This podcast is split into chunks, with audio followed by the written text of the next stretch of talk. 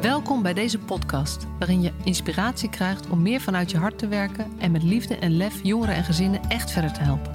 Voel je waarde, voel de passie voor je vak, voel je professional vanuit je hart.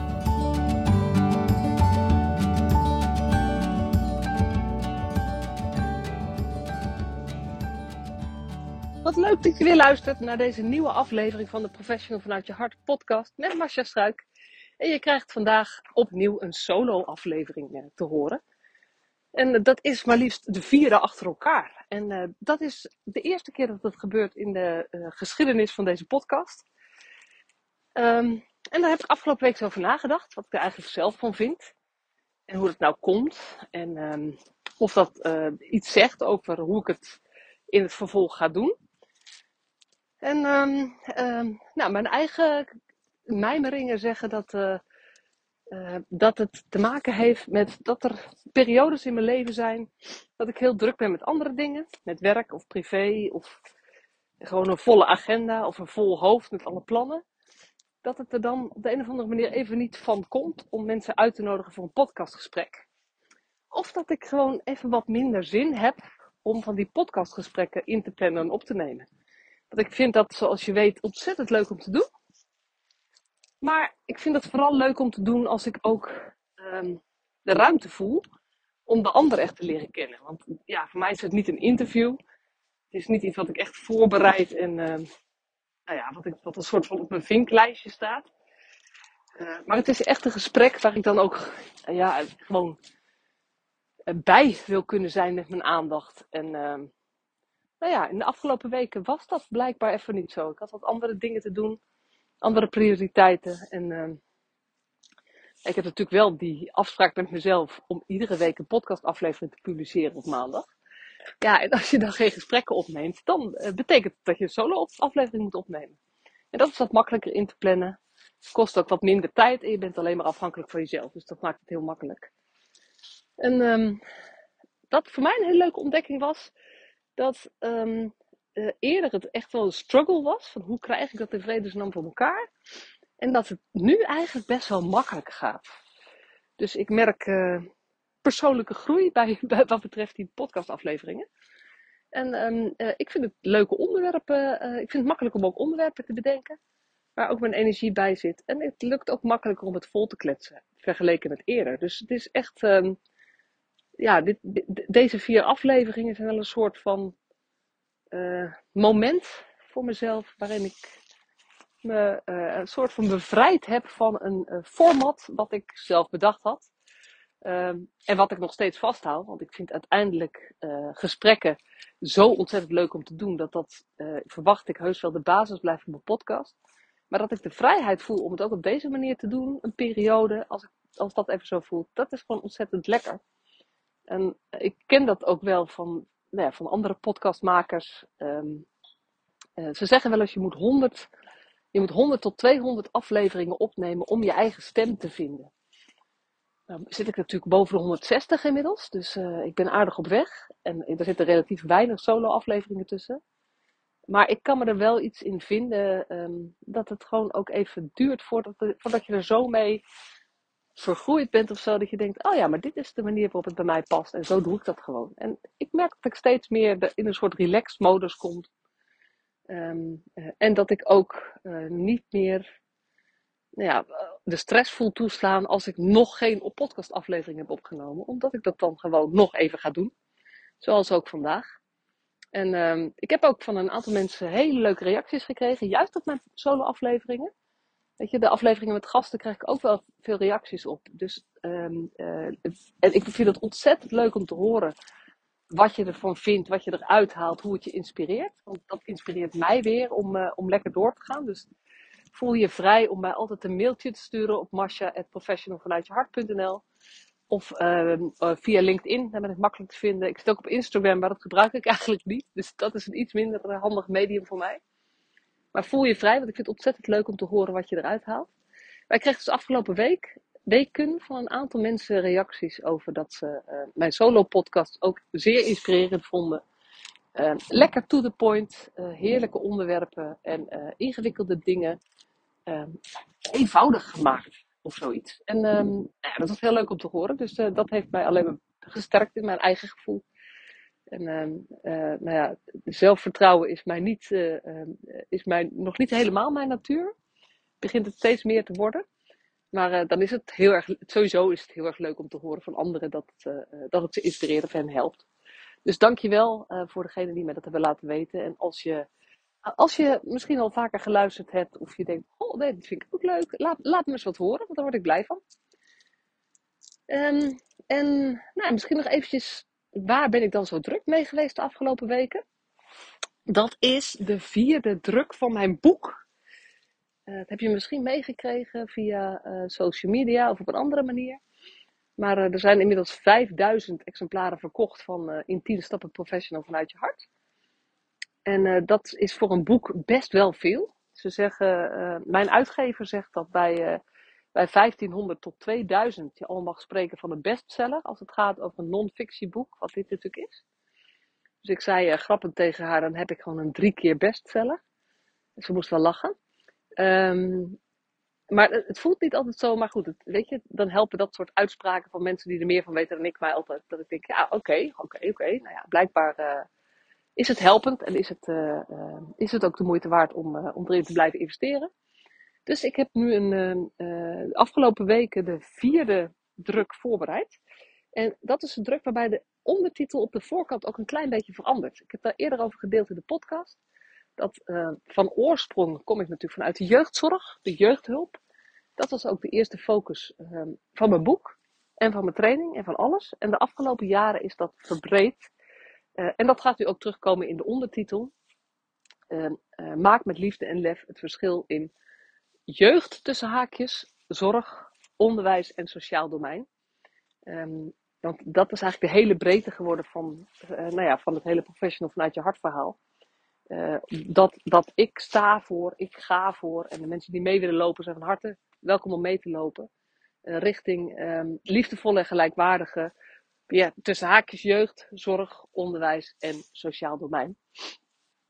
En um, nou ja, dat, uh, die vierde druk vroeg uh, natuurlijk ook uh, op inhoud een aantal aanpassingen.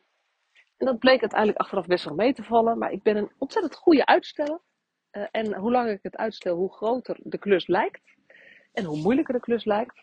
Dus het heeft even geduurd. Maar het is volgens mij nu net naar de drukker gestuurd. Dus dat betekent dat over dat een week of drie, eind maart 2023 eind maart, begin april, dan verwacht ik de nieuwe vierde druk in huis te hebben met een nieuw ISBN-nummer. Want het heeft een andere ondertitel. Uh, en een iets gewijzigde inhoud, maar de strekking van het boek is helemaal hetzelfde gebleven. Dus als je een oude variant hebt, dan um, uh, is het niet per se noodzakelijk om een nieuwe aan te schaffen. Als je, uh, mag natuurlijk wel, um, maar de, de, de inhoud is grotendeels hetzelfde gebleven. Mocht je nou een oud exemplaar hebben en je vindt het leuk om een, um, nieuwe, uh, ook een nieuwe druk um, uh, zeg maar te bestellen, laat het dan even weten. Dan regel ik iets van een korting voor je. Want twee keer hetzelfde boek kopen, alleen maar omdat het een nieuwe onder, ondertitel heeft gekregen. Ja, daar maak je mij natuurlijk heel blij mee. Maar dan kan ik jou ook weer een beetje blij maken door het iets aantrekkelijker te maken. Laat het dan even weten via masje.professionalvanuitjehart.nl of via LinkedIn of op een andere manier dat je mij kan bereiken. Maar uh, dat is dus heel lekker. Dat is ook afgerond en dat is super fijn. En dat betekent dat ik aan mijn volgende project ga beginnen. En mijn volgende project is een um, aanpassing uh, op mijn website. Want mijn website is, uh, is basically prima. Maar wel een beetje aan elkaar geplakt. Van de ene pagina naar de andere pagina. En hij was toe aan aan een restyling. En dat heb ik samen gedaan met iemand die gewoon zegt: ja, je kan beter een nieuwe website bouwen dan restylen. Dus die staat al een tijdje in concept. En uh, de komende weken ga ik aan de slag. Uh, en uh, ik verwacht ook over een paar weken dat, die, dat een nieuwe website live is. Maar ook daarin zal niet alles weten. Dus er verandert wezenlijk niks. Het wordt alleen wat mooier en dat past wat meer bij mijn eigen ontwikkeling. Dus nou, dan ben je weer even een beetje op de hoogte waar ik mee bezig ben geweest.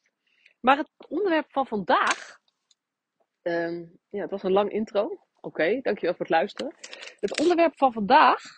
Um, ik zit nog te puzzelen op de titel, dus dat wordt nog een beetje lastig.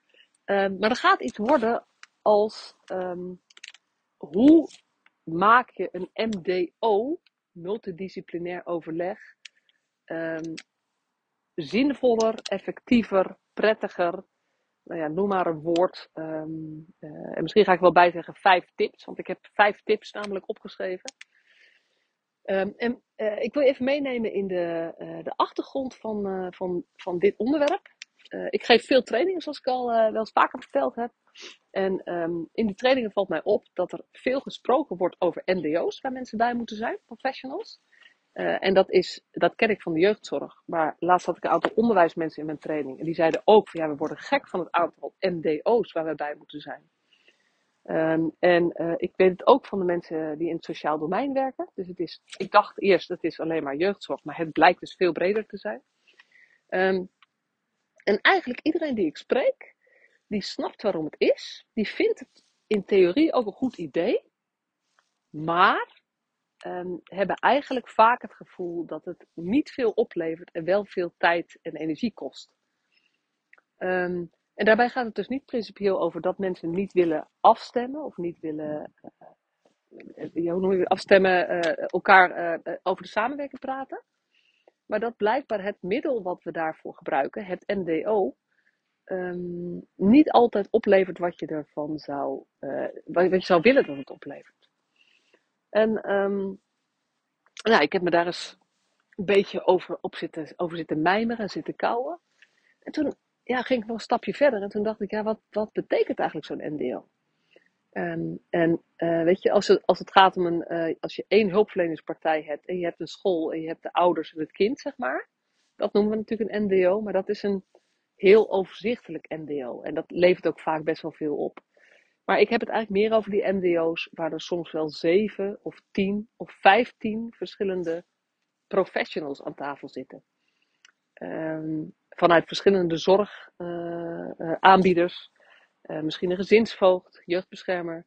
Misschien mensen van school, misschien mensen van de gemeente, sociaal domein. Misschien mensen van mee of van een thuiszorgorganisatie. Die allemaal in hetzelfde gezin aan het werk zijn. En waarbij het zo belangrijk is dat je elkaar niet in de weg zit. Maar eigenlijk samen zo werkt dat het gezin uh, of de persoon om wie het gaat het beste samen verder helpen. Um, maar ik zat over die grootschalige NDO's na te denken. En toen dacht ik dat het ook wel een beetje absurd is wat, we, wat dat betekent eigenlijk. En ook uh, heel lullig gezegd wat het kost. Maar reken maar eens als daar, uh, laten we zeggen, 15 mensen zitten. Wat echt wel eens gebeurt. Um, en nou ja, als je 15 te veel vindt, ga dan eens uit van 10. Maar dat gebeurt echt met regelmaat, dat er 10 verschillende hulpverleners zitten. Die 10 mensen, zo'n MDO, duurt toch een uur, anderhalf uur meestal. Je hebt wat voorbereidingstijd, dus dat is, um, uh, nou laten we zeggen, twee uur per persoon. Dan heb je nog niet eens de reistijd meegerekend die het kost. Um, keer 10 mensen is 20 uur. Of keer 15 mensen is 30 uur uh, professionele inzet. Voor dat overleg van 1,5 uur. Um, en dat is, nou ja, als, als het dan vervolgens betekent dat het overleg, dat mensen achteraf zeggen, ja, dat heeft niet veel opgeleverd, dit wisten we toch allemaal al. Dan vind ik het wel een hele grote investering van 30 uur of 20 uur professionele inzet, um, dat, dat is nou ja, een halve werkweek dat je een professional zeg maar, daar neerzet, als je het allemaal bij optelt. En als je het omrekent in geld, ga je helemaal schrikken wat het betekent. Want iemand kost toch, zeg maar, gemiddeld genomen ben je 100, meer, dan 100 euro per persoon kwijt. Dus dat ene uurtje overleg kost gewoon 2000, 2500, 3000 euro. En um, niet dat het dat niet mag kosten. Want ik denk wat nodig is, dat is nodig. Maar dan moet het ook wel opleveren wat we er eigenlijk uh, aan uitgeven en in investeren. Dus um, ik ben, uh, ja, ik, ik, hoop dat je dat ook. Uh, het gaat mij niet over het principe van dat ik, dat ik daar iets van vind. Maar ik denk wel, de investering staat niet altijd in verhouding met de opbrengst. En ik ben geïnspireerd door een aantal andere mensen ben ik tot vijf tips gekomen. Waarom ik, waarom ik denk dat het, dat, het, um, dat het meer kan opleveren. En ik heb ze even op een briefje geschreven. Ik ben inmiddels ook uh, een rondje aan het lopen. Dus mocht je iets van buitengeluiden horen, Dan is dat de verklaring. Ehm, en mijn eerste, uh, mijn eerste tip is, en dat heb ik die heb ik gehoord van Kevin Scholten. Dus de gast in aflevering 21, alweer bijna 2,5 jaar geleden was hij de gast in de podcast. Um, Kevin heeft eigenlijk twee uitgangspunten. Hij, hij werkt met jongeren in de gesloten jeugdzorg. En hij zegt, het eerste uitgangspunt, hij, hij geeft eigenlijk twee tips. Tip, tip 1 is, um, ik ga alleen maar als de jongere erbij is. Als de cliënt erbij is, als de ouders erbij zijn. Als die er niet zijn, ga, dan, dan, dan, ben ik er niet. Um, en dat klinkt natuurlijk mooi, want ik denk dat eigenlijk alle MDO's tegenwoordig de insteek hebben dat de personen over wie het gaat er zelf bij zijn. Maar ik weet ook dat als er een afspraak is van een MDO en er zitten een heel aantal mensen, maar de ouders of de jongeren is er niet, dan is de reactie van professionals, omdat het zo moeilijk is om, om ook die agenda bij elkaar te trekken, en dat overleg is belangrijk, is um, het toch door laten gaan. En dit is dus best wel een principiële keuze die je kunt maken. Om te zeggen, ja, als de cliënt, de jongeren, de ouders, de ouderen, het gezin er niet zelf bij is, um, ja, dat is dan heel erg jammer, maar dan gaat het overleg niet door. Een tweede tip, en het is best wel een principiële keuze die je kunt maken, Um, nou ja, goed. Voor's en tegens. Je hoeft het niet te doen, maar ter overweging. Een tweede die ik ook van Kevin heb, is um, na 45 minuten gaat hij weg. En dat heeft twee redenen. Uh, geen enkele jongere heeft een langere spanningsboog dan 45 minuten. Eigenlijk korter. Maar goed, 45 minuten is nog zo'n mooi omslagpunt. Um, en dat geldt ook voor heel veel volwassenen. Dat 45 minuten overleg uh, intensief overleg van heel veel. Uh, en het tweede is dat um, na, zeg maar, na die 45 minuten is het niet dat het daarna meteen nog heel veel oplevert. Als je maar 45 minuten hebt, wordt een vergadering, wordt een overleg een heel stuk efficiënter. Um, en efficiënter ook in de zin van meer to the point, um, kernachtige, nou ja, dat soort uh, Dus dat zijn eigenlijk de twee tips van Kevin. En dan heb ik er nog drie. Die ik, ik weet niet, niet eens meer van wie. Maar ik was in, in, vorig jaar november, in november 2021 was dat al. Was ik bij uh, de Week van de Radicale Vernieuwing. Ehm, op de dag over de ouderenzorg. Van het LOC is dat. En daar hadden ze het over vernieuwingen in de ouderenzorg. En, uh, er was een lijstje bij en dat vond ik echt briljant. Dat ging ook over deze, deze MDO's, het overleggen. En daar komt tip 3. Wat zou er gebeuren met de dynamiek als jij, als je ergens bij een MDO bent, de vraag stelt: wie kent deze persoon in het echt? En dat stel ik nu als vraag, maar eigenlijk zou uh, mijn tip zijn: begin altijd met de vraag: wie kent deze persoon of dit gezin over wie we het hebben vandaag in het echt? En waarom is het zo'n ontzettend krachtige vraag? Omdat het um, iedereen even laat uh, stilstaan bij zijn positie ten opzichte van degene over wie we praten. En dat is zeker op het moment dat het opgeschaald is, uh, is het soms schrikbarend dat er allerlei mensen aan tafel zitten die wel het dossier kennen, of het verhaal kennen, maar de, de mens niet kennen. En um, deze vraag stellen alleen al geeft daar heel eventjes een soort van, nou ja, um, geeft de verhouding even aan. En dat helpt. Een tweede tip, dat is dus nummer vier inmiddels, um, is een vervolgvraag. Als je weet wie, iedereen, wie die persoon niet echt kent. Wie kent deze persoon het best? En ook dat is best wel een confronterende vraag. Want veel MBO's hebben, hebben, hebben een, of een externe voorzitter, of een functionele voorzitter, of een voorzitter van iemand die de hoogste positie heeft. Um, maar heel vaak is dat helemaal niet degene die de cliënt het beste kent, of die de cliënt het meest vertrouwt. Um, terwijl, nou ja, het, er gebeurt van alles als je dat als leidraad neemt. Dus je kan dat gewoon vragen. Wie kent deze cliënt het beste? En al doe je er verder niks mee, alleen het stellen van die vraag geeft al een hele. Uh, doet iets met een dynamiek in zo'n gesprek. En als je dan nog lef hebt, en je hebt deze twee vragen gesteld, dan um, zou je kunnen voorstellen dat degene die de persoon het best kent, voorzitter is van het overleg. Want stel je eens voor dat de thuiszorgmedewerker, die daar dagelijks drie keer in de week komt, uh, om op allerlei manieren te helpen, en daar al drie jaar lang uh, onafgebroken is, stel je eens voor dat die persoon voorzitter is van het overleg. Um, dan praat je op een andere manier dan wanneer het degene is die nou ja, de, ernst van de problematiek in het dossier heeft gelezen en heel graag wil dat er, uh, dat er een goed plan komt. Um, en het wil niet zeggen dat diegene het in zijn eentje moet doen, maar het gaat erom dat we veel meer vanuit de persoon gaan praten in plaats van over die persoon.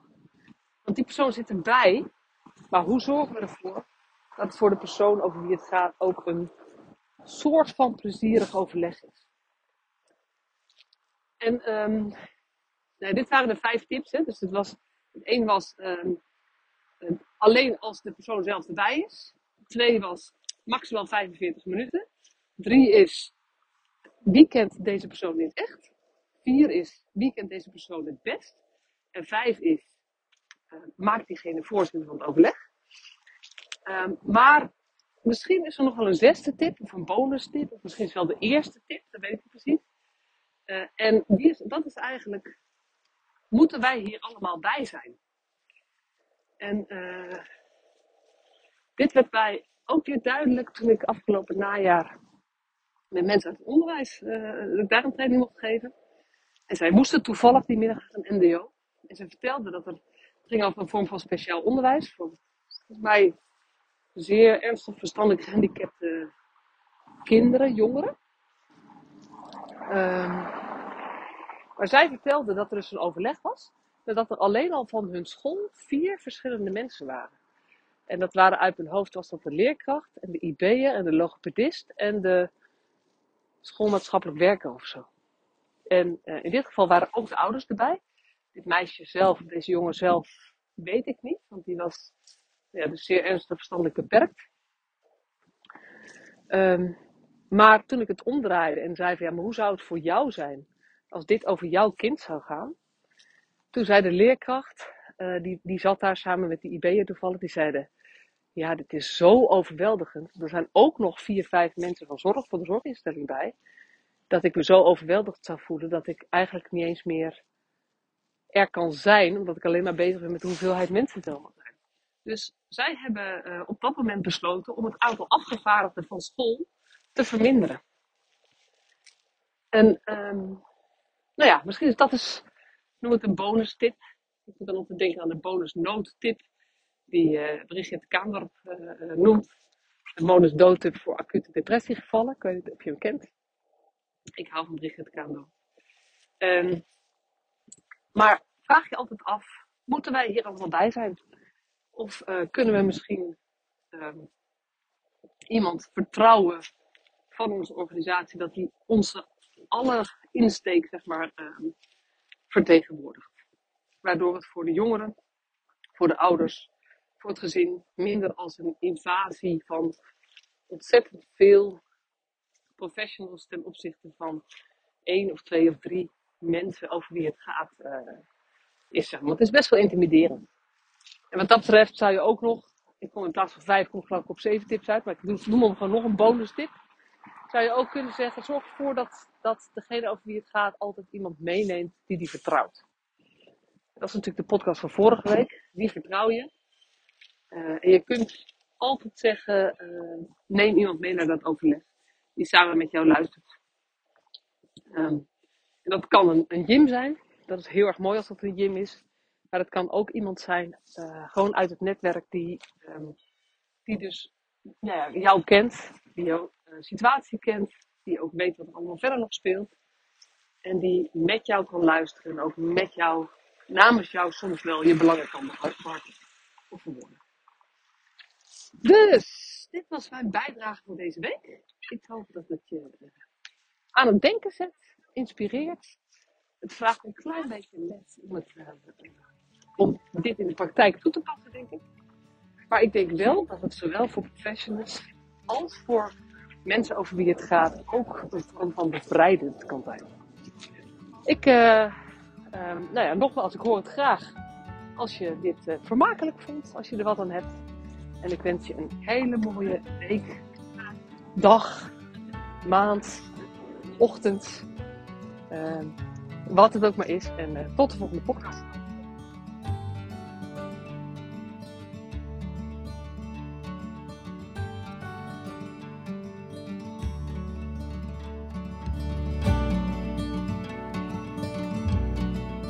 Superleuk dat je weer luisterde naar deze podcast. Dankjewel. Nog even kort een paar belangrijke dingen. Ten eerste, het is mijn missie dat de jeugdhulp weer een sector wordt waarin bevlogen, liefdevolle professionals jongeren en gezinnen echt verder helpen. Daarom maak ik deze podcast voor jou. Wil jij deel uitmaken van deze beweging van Professional vanuit je hart, waarin professionals elkaar steeds opnieuw inspireren? Begin dan met het lezen van mijn boek. Je kunt de eerste hoofdstukken helemaal gratis lezen. Ga naar professionalvanuitjehart.nl/slash boek. Ten tweede, wil je alle podcastafleveringen overzichtelijk onder elkaar? Abonneer je dan op deze podcast. Klik in je podcast-app op de button subscribe of abonneren. En elke keer als er een nieuwe podcastaflevering gepubliceerd wordt, ontvang je automatisch een berichtje. Ten derde, ondersteun je mijn missie? Geef me dan een review via je podcast-app, bijvoorbeeld iTunes of Spotify. Op die manier kan ik nog meer professionals bereiken. En ken je een collega voor wie deze podcast ook interessant is? Dan zou het super zijn als je hem of haar de podcastaflevering doorstuurt. Bijvoorbeeld door de link te kopiëren via Spotify. Ik vind het altijd heel leuk om berichtjes te ontvangen van luisteraars om te horen wat je van een podcast vindt, of als je misschien vragen of suggesties hebt. Of als een aflevering je een bepaald inzicht heeft gegeven of er iets in beweging is gekomen. Stuur me dan even een berichtje op masha.professionalvanuitjehart.nl via de website of stuur me een connectieverzoek op LinkedIn.